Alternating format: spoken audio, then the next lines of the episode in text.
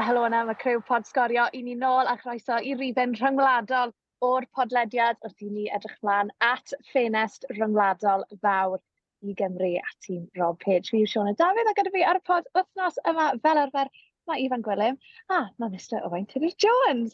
Ifan, Ows, croes mawr ato ni, chi'n oce? Okay? Diolch yn fawr, dwi'n gres diolch. Iawn, diolch. A dyw'r podlediad yma ddim yn cael ei sponsro gan The Village Hotel, achos fi yn yr un lan a'r bwys Wrexham. Mae Ows yn yr un lawr yng Nghyrdydd. Uh, Ifan, ble ti os fe? Ti jyst yn y swyddfa. o foes yn y ffenest yma, mae Cymru yn dechrau gyda gêm gyfeillgar yn erbyn Gibraltar ar y cae ras. Y tro cynta i Gymru warau yng Ngogledd Cymru ers mis Mart 2019 a wedyn ni yr un mawr. Y gêm rhag brofal yna gartre yn Stadiwm Dinas Cyrdydd yn erbyn Croatia. Oh, o Owain, o ddod at y tŷ gynta, newn ni ddechrau gyda'r gêm yma nos Fercher. Fi'n gwybod mae cymaint o sôn um, am y ffaith bod ni'n ôl yn ware ar y cae ras. A y fe'n dig i weid, fi'n credu bod tîm Rob Page yn mynd i cael tipyn o groeso gan y cefnogwyr yma yn y gogs. Yndi, uh, stadiwm y cae wedi gwerthu allan, bob set di mynd, uh, fel y disgwyl.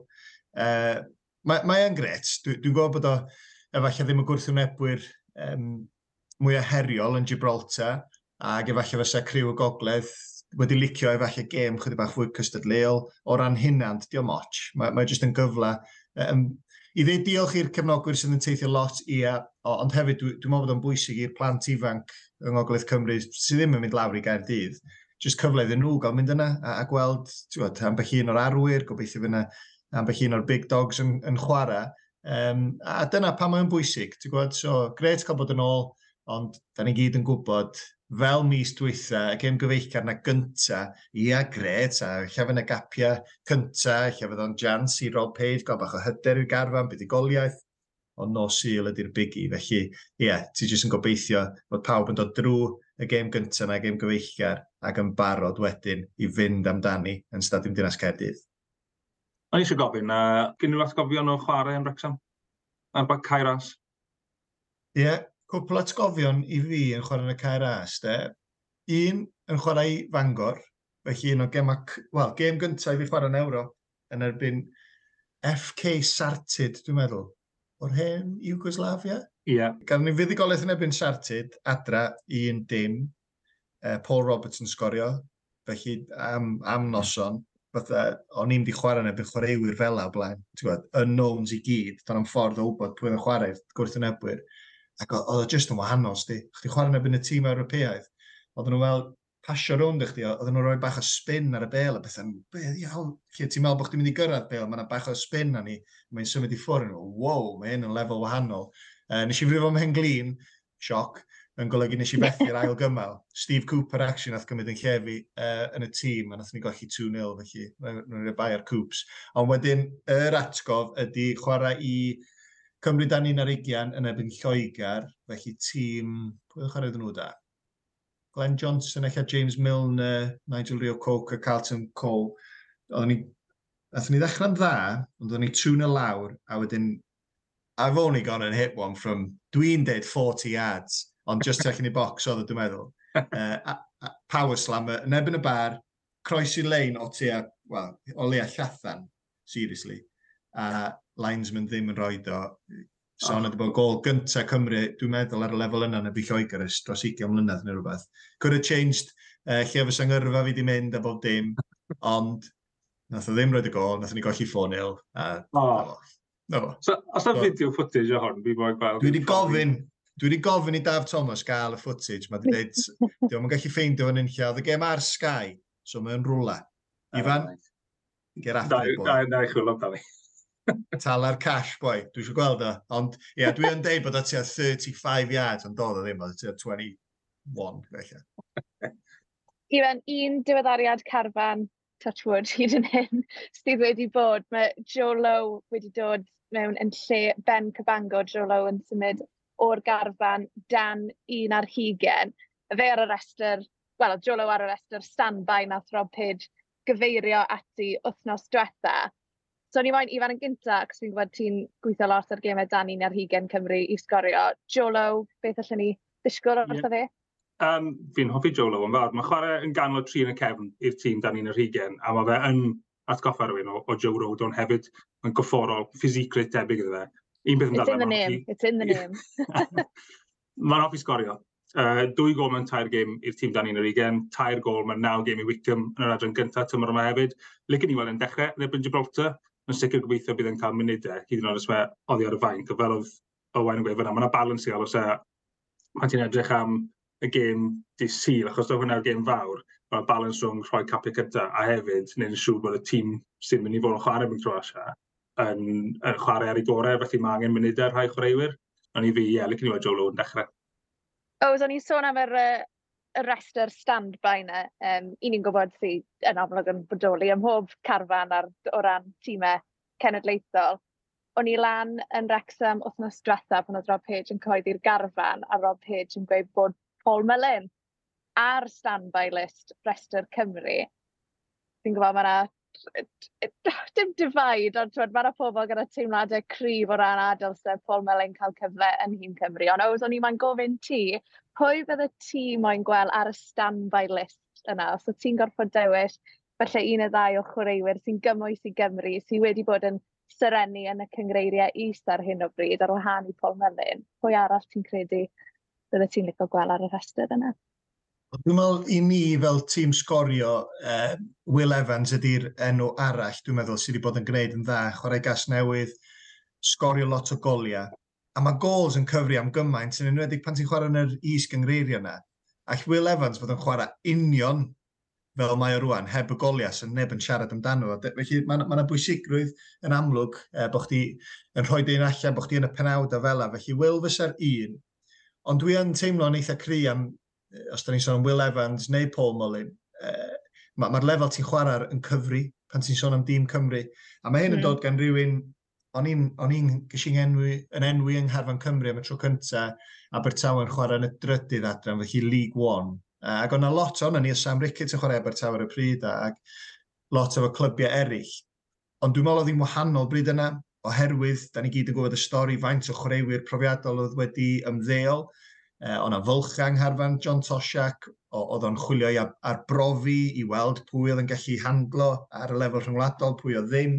Mae'n wahanol rwan, dwi'n meddwl mae gen i, gormo, mae gen i ormod o chwaraewyr sy'n chwarae ar lefel uwch gyngrair, bencampwriaeth, sydd yn golygu, os ti'n chwarae yn y bedwerydd adran, sori, ond ti, ddim, ti just ddim cweit yn chwarae ar y lefel digon da. A mae'n anhyrt. Mm. Mae'r iddosus a Paul Mullin, er enghraifft, yn symud o Rexham i rhyw glwb yn y ben campwriaeth, da ni gyd yn teimlo sef o'n neud joban dda, a sef o union un chwaraewr, ond dal i fod, ti angen bod ar y lefel yna yn profi dy hun bob wthos er mwyn uh, gwirioneddol cael dy weld fel chwaraewr all fod yng Ngharfan Cymru yn, yn y marn ni. Um, felly, gown ni weld, e, lle geithio rhyw alwad bach hwyr, pwy o wyr, a sy'n berffaith iddo fo, chwarae yn Gibraltar yn Rexham, ond ie, uh, yeah, tam yn chwarae yn fwy cyson ar lefel uwch, dwi'n mweld yn digwydd. Eves, beth i'n credu? Wel, fi'n fi, fi ffindio... Melyn in o melyn out? Wel, fi'n fi, fi, fi cytuno gyda Owen am hynna. Um, achos, hyd yn oes ti'n edrych ar y tîm dan ni'n yr hugen, gen i un o'r resymau maen nhw wedi mynd mor grif yn ddiweddar, achos mae'r chwaraewyr yna falle yn y ymgyrch cynt, o'n nhw'n gyn y chwarae i reserves neu tyd, yn y Premier League 2 a'r tîm ieuenctid, tîm uwch gyngor falle. Ond erbyn hyn, maen nhw gyn arfenthyg ac yn chwarae pêl drwy'r cyson yn yr adran gyntaf, sydd un efel yn uwch na Paul Mullin a, a Will Evans a mae'r tîm da ni'n eich gyna yn elwa, achos maen nhw'n chwarae ar y lefel yna. Fi'n rili really licio Pwmlin, ond falle jyst dim nawr ar amseru yw e, bod, bod yr enw na wedi dod mas achos bod y gêm yn Wrexham. Be ti'n feddwl, Sionet? Ti di arfer gofyn y cwestiwn na. Be ti'n feddwl, Paul Mullin in neu allan? Allan i fi. Fi... Just, be oedd Ifan yn gweud o ran y tîm dan un ar hugen, i fi bydde fe'n teimlo ah, ddim yn ansensitif, ond mae gymaint o dalent ifanc gyda ni'n dod trwyddo, fi'n credu mission ni magu reina yn hytrach na falle jyst dod o rywun mewn. Fi, yeah. A hefyd o'n i jyst yn cael y tymlad. Mae'r gêm yn Wrexham, bydde gymaint o sgwrs am ylun os oedd y gêm yma'n cael ei wario yng Nghyrdydd, siŵr o fod na. Um, so ie, yeah, i fi yn bersonol. Dim o fi ddim yn fan o Paul Melin, fi ddim yn gweud hwnna, ond o ran wario i Gymru, na fi'n credu bod na opsiynau eraill gyda ni. Ewa. Diolch ywys. o, fi ddim, fi ddim lygo hwnna. Sa'n gyfarwydd o gofyn ateb cwestiynau. Um, Ifan, cyn i ni sy'n ymlaen at y gêm enfawr yma yn erbyn Croatia, um, ni'n mynd i gadw ymlaen dros sôn am cwpl o'r chwaraewyr ifanc. Um, so ni wedi sôn am Jolo, mae Owen Beck, Luke Harris, Charlie Savage, Liam Cullen um, yn rai sydd heb gapiau. Beth ti'n credu allan ni ddisgwyl o nhw a un ni'n disgwyl i weld nhw ar y cair as nos y fori. Wel fi'n wir yn gobeithio gwelwn ni Owen Beck, Luke Harris a Charlie Savage yna, achos maen nhw wedi cael ei enwi yn y carfan Dani yn yr hugen hefyd. Maen nhw'n mynd i fod yn teithio allan i wirioneddau Czech i chwarae nos Wener ar ôl y gêm Gibraltar os Fercher. Mm. Felly os ti'n mynd i wneud hynna, rhoi nhw trwy y teithio yna, a bod nhw ddim yn cael munudau, beth y pwynt? Mae ma Matthew Jones fel sy'n samti'r pathway a, y llwybr dangos bod yn mae'n eitha fluid i fynd i'r tîm cyntaf. A, a fi'n falch iawn gweld nhw'n cael y cyfle, ond mae angen nhw actually cael cyfle ar y ca er mwyn wneud hwn werth yr amser iddyn nhw. Um, felly ie, yeah, disgwyl gweld Owen Beck ar y ca fel o gefnod chwyth, Luke Harris gallu chwarae unrhyw le, really, yn uh, so 4-5 mm. blan i chwarae gyda. A Chai Savage hefyd, fe, Luke Harris a Owen Beck yw'r yw chwaraewyr mawr i'r tîm dan un yr hugen. O Chai Savage, da dal heb cael llawer o gapiau i'r tîm dan un yr hugen. Felly gweld diddorol gweld sy'n bydd e'n ffit o mewn i'r tîm cyntaf hefyd.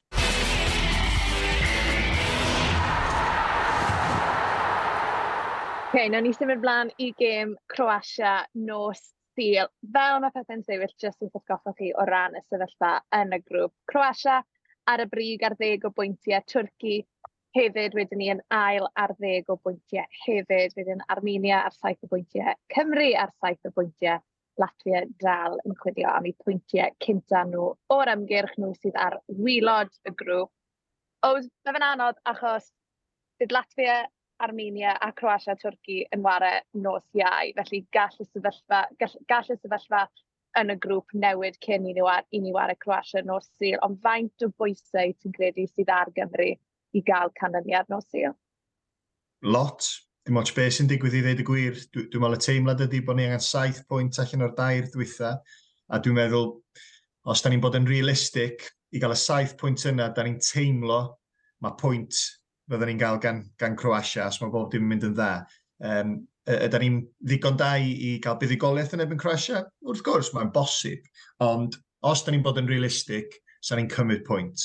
A wedyn, be, be da ni di obeithio ers, ers yr ha a'r ddwy golled um, ddrwg na'n erbyn Armenia a Twrci ydy bod ni'n mynd i fewn i gema mis Tachwedd dal yn y ras. A dyna sydd yn bwysig. mm. Felly, sa pwynt yn golygu bod ni. Uh, chydig bach yn, nath yng nghalon i ddechrau pwmpio, chydig bach mwy pan welys i mae Croatia Twrci nos iau, ac yn i'n wff, bydd hi'n ddifur gweld beth sy'n digwydd yn honna. Oherwydd, mae'n mae syml, da ni eisiau Croatia ennill bob gêm rwan a bod ni'n hmm. gwneud, cael y saith pwynt na. Um, felly, fydd i ddifur gweld beth i yn fanna, ond ei, canolbwyntio ar beth, da ni'n neud, dyna'r unig beth allan ni'n neud, ond da ni wedi gwneud sy'n anodd i ni'n hynna'n. Mae yna dair mm. gêm anodd i ddod, oes, ond come on de. Da ni'n sbio ar y garfan sy'n ganddo ni, hyd yn oed efo Aaron allan, efo Brennan Johnson allan, mae gennym ni jant, mae gennym ni dîm all gystadlu, a gobeithio dyna, dyna fyddwn ni'n weld. A mae rhaid i wedi fan, o'n i'n oedd Ben Davis yn siarad ar wasg, ddo, ni'n siarad gyda Rob Page oedd nos diwetha, pan nath ei gyhoeddi'r garfan. Mae yna dimlad gwahanol tro yma i gymharu â gemau mis Medi, achos ar ôl yr haf siomedig na gaethon ni'n colli ar erbyn Armenia a Twrci, oedd hi'n eitha doom and gloom mis diwetha, ond mae cael perfformiad calonogol na yn erbyn De Corea wedyn ni, mynd mas i Latvia a cael y triphwynt. Ti yn cael y timlad, ie, yeah, bod yna dal hyder, bod y moral dal yna. Mae, hw hwnna'n mynd i fod yn bwysig. Odi, ie, uh, yeah, mae'r ma, ma, ma, ma caniadau cadarnhaol yna wedi helpu mis Medi, ond fi'n credu beth sy'n digwydd tro hyn ni'n sylweddoli, eid yn o bod ni wedi cael y canlyniadau positif yna, mae dal yn dalgen mor caled achos y canlyniadau yma hefyd, a ni'n gyda'n nawr dim ond mae'n dechrau cico pa mor wael oedd y canlyniadau yna i gobeithio ni, achos fel oedd yn gweud, mae angen saith pwynt yn ni o'r gêm nesaf, really, achos son i eisiau mynd mewn i'r gêm ola na eisiau buddigoliaeth o tair gol yn erbyn Twrci. Mae'r gêm yna Croatia Twrci yn, yn masif nos iau. Os ydy Twrci'n cael rhywbeth allan o'r gêm yn Croatia, gwe bod nhw'n cael pwynt, mae'r rhaid i ni giro Croatia really, i cael gobeith o mynd trwyddo. Mae angen ni gael gwell canlyniad na Twrci. Er bod canlyniadau mis Medi na wedi helpu, a fi siw bod eraill. Hyder i'r tîm, na, nawr fi'n gwneud y maths, a dwi ddim yn edrych yn dda iawn. un gêm sydd wedi, un gêm sydd wedi bod yn cilar i ni, yr Armenia yna. Oherwydd, ie, mm. yeah, oedd hi'n trwmedu colli'n Twrci oedd, ond um, ti'n ti meddwl Armenia, hyd yn oes wedi cael pwynt, so, so wedi gwneud gwahaniaeth mawr i, i sefyllfa da ni yn ni rwan, ond dio ddim yn rhy wahanol i be welson ni gyrraedd yr Euros dwythio na di.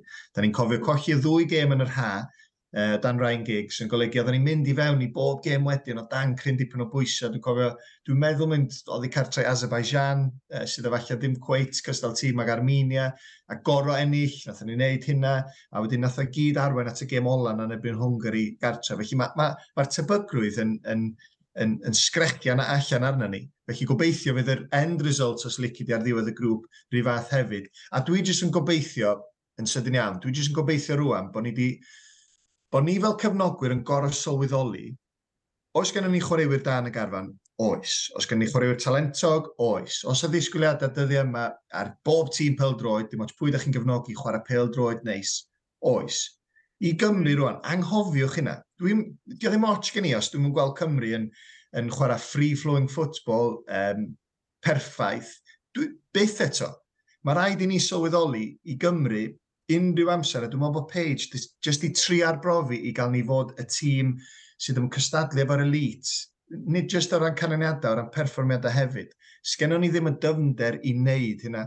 Felly ni fel Cymru, am byth bythoedd rwan, pwysigrwydd ydy bod yn siarp ni'n dda, bod ni'n anodd i'w curo, bod ni'n anodd i dorri lawr, a wedyn mae gen ti'r ser yr, er, er sparkle bach ychwanegol. Ddim cweith Gareth Bale, ond os mae Harry Wilson, Dan James, Kiefer Moore, Aaron Ramsey, Brennan Johnson, pwy bynnag sy'n chwarae, wedyn ti'n gobeithio na nhw ddod ar ryw magic bach, ond dyna sydd yn bwysig a dyna nath ni anghofio yn erbyn Armenia, ond dwi yn meddwl bod ni wedi dysgu gwers. Just i gadw ar yr uh, positive vibes os lycyn ni, achos un peth fi'n gwybod, oce, okay, dyw Gareth Bale ddim gyda ni nawr, da mae pawb yn cadw gweud, ond pan i ti'n meddwl am y gêm mawr mae Cymru wedi cael yn y gorffennol, ti'n meddwl nôl, nôl i'r gêm yn erbyn Austria, Ukraine, o pan mae'r pwysau wedi bod yna, pan mae wir di eisiau can, canlyniad, mae'r tîm o wastod rhyw ffordd wedi ffind o ffordd o, o, gael, o gael y canlyniad yna. Yndi, ac yn enwedig adra, um, mm. nhw'n ni anghofio am yr un Armenia am rwan, ond fel ti'n deud, y gema mawr, lot o weithiau, yr holl ffordd nôl i'r fuddugoliaeth yna yn erbyn Belg, Bale yn sgorio, Ac honno yr un nath ni goelio fel gwlad, dwi'n meddwl, fel cenedl. Wedyn, da ni wedi cael gem y cyfartal da yn erbyn, yn erbyn Belg, yn erbyn Croatia. Felly, mae ma, ma, ma, ma hanes yn deitha ni, hanes dros y ddegawd dwytha, yn deud, ti'n gwybod be, pan da ni o dan bwysau, mae pawb i weld yn dod at ei gilydd, pwy bynnag sydd ar y cae, y dorf, y stadiwm na'n llawn, mae gennym ni, mae yna rhywbeth special yna, a a be da ni'n misio ydy bod yr cyfnod hir special, y record gartra dda sydd ganddo ni, bod hynna ddim jyst yn diflannu o fewn un ymgyrch. Felly mae yna gyfle rwan i, i, i fwnsio nôl ar ôl ha siomedig, y cam cyntaf mynd i Latvia, ac eto, dim ots am y perfformiad, ennill y gêm oedd yn bwysig, a rwan ti jyst yn teimlo bod yna chydig llai o bwysau Rob Page. Neith newid yn syth os mae yna ganlyniad, ganlyniad gwael wrth gwrs, ond mae'r hmm. teimlad mis yn ddiweddarach, jyst chydig bach brafiach o ran carfan dwi'n meddwl, a dwi'n siŵr bod chdi'n sylwi hynna, Sioned, yn, yn cyfweld efo bawb.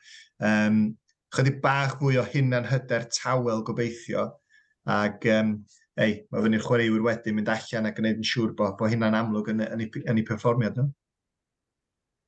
Jyst yn gloi fan, i ni heb Aaron Ramsey wrth gwrs a Brennan Johnson, faint o golled ti'n credu bydd y ddoi yna, pwy ti'n gweld um, yn dod mewn yn lle nhw?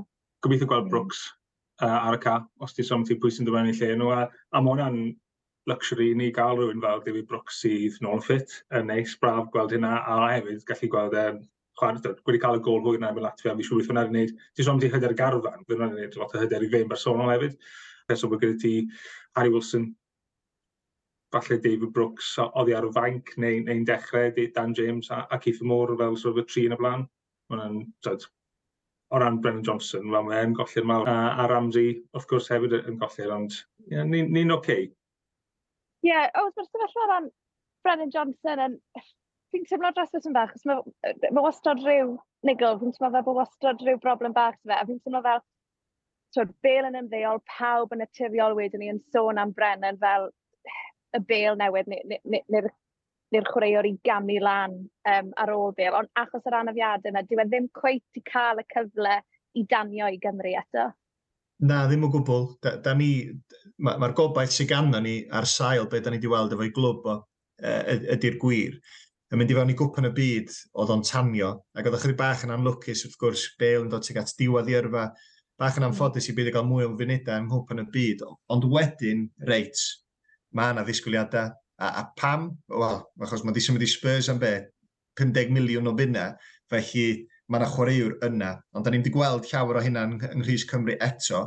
Felly mae'n golled o ran ei gyflymder yndi, ond ti'n gwybod be, wnaethom newid llawer o, o sut da ni'n mynd i chwarae. Felly dwi ddim yn disgwyl Brooks i ddechrau. Alla, alla weld Harry Wilson a Dan James yn y safleoedd yna tu ôl i Keith Moore. Felly mae gen ti dri da mae yna gweithgar, ia, chydig bach o mix o bob dim a wedyn mae yna bwysau mynd i fod ar Jordan James.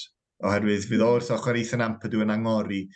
Gret weld o yn dod ar y sîn mis dwytha ac yn gwneud yn dda iawn. Ser yn y gem i fi nebyn Latvia.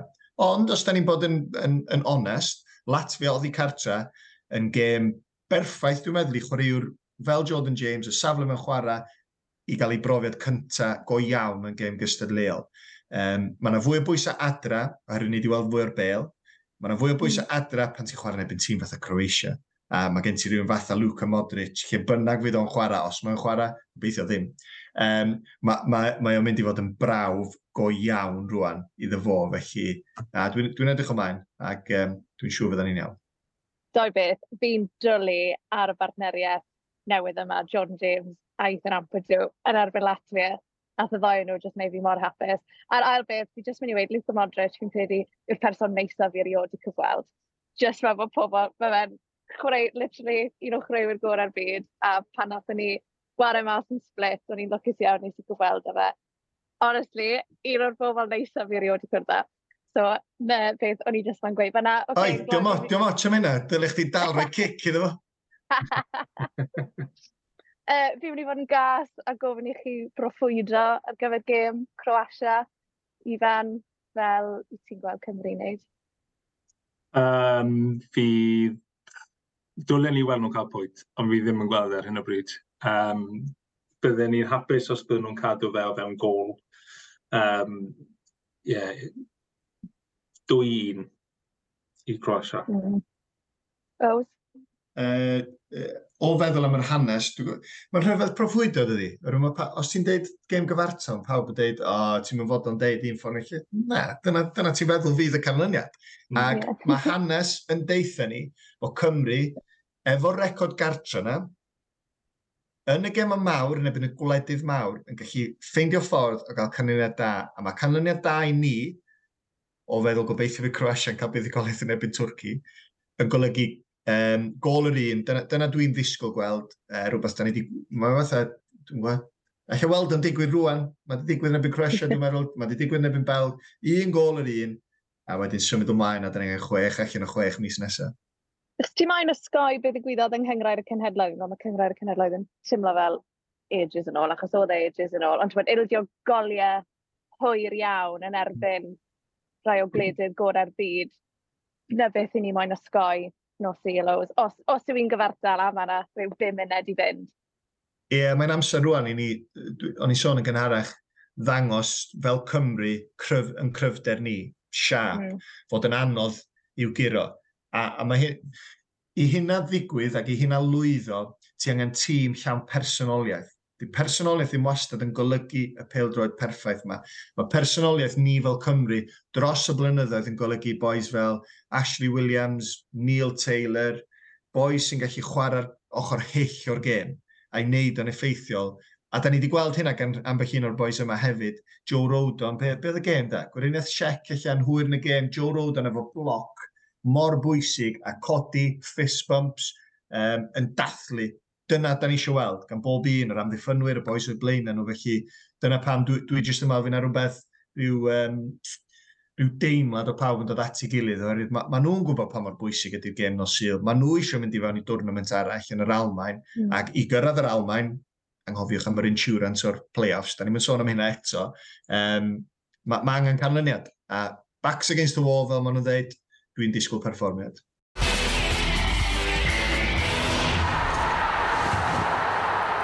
Cyn i ni orffen, mae'n wythnos fawr i dîm dan un ar hugen Cymru hefyd. Trydydd gêm ymgyrch tîm Matty Jones i gyrraedd Euro 2025. Ifan, beth allan ni ddysgol pwy'n nhw'n waran erbyn a hefyd beth yw'r sefyllfa o ran uh, i gobeithio nhw o gyrraedd yr Euros yn 2025? Wel, mae wedi dechrau'n gadarnhaol iawn iddyn nhw yn yr ymgyrch wedi cael 4 pwynt allan o'r uh, dwy gêm gyntaf a, a mae'r ma, ma tair gêm cyntaf wedi cartre, so hwn yw'r trydydd un gêm oedd gemau cartre yn erbyn Czechia. Uh, fel o'n i'n gweud gynnau, mae'n dri chwaraewr wedi cael ei galw i'r ddau garfan sef o'n Beck, Charlie Savage a Luke Harris. Dipyn othnos iddyn nhw, gen i weld faint o brofiad gewn nhw yn erbyn Gibraltar, a wedyn ni teithio'n syth at y garfan. Mae Checa yn llawn chwaraewyr profiadol. Maen nhw'n newydd fod yn chwarae yn yr Euros dros y haf. Ond nhw'n yr un grŵp a Lloegr wrth mynd mlaen i ennill y tournament a nath nhw giro'r Almain o dwy gol i un yn y grŵp hefyd. O'r ddoi nath sgorio y goliau yna, maen nhw dal yn gymwys i chwarae i tîm dan un yr ugen. Felly mae'r ymasodwr uh, Seic, mae fe, wel, mae'n y garfan i chwarae byn Cymru nos Wener. Mae'n mynd i fod yn anodd, ond ni'n meddwl na pan nath nhw'n chwarae Denmark yn y gêm agoriadol, a nath Cymru chwarae'n wych, mm. a nath nhw cael gêm gyfartal, yn gallu nhw ennill y gêm. Felly mae'r carfan Gymati Jones, er bod nhw mewn grŵp anodd iawn gyda Denmark, uh, Czechia a Gwlad yr Ia, maen nhw'n ma nhw neud yn oreit. A os gen nhw pwynt arall mas, cyn bod nhw'n dod nôl at uh, stint o gemau cartre, uh, nes ma'n mis dwy, dwy gem gartre mis tachwedd, wedyn ni bydden nhw'n neud yn dda iawn.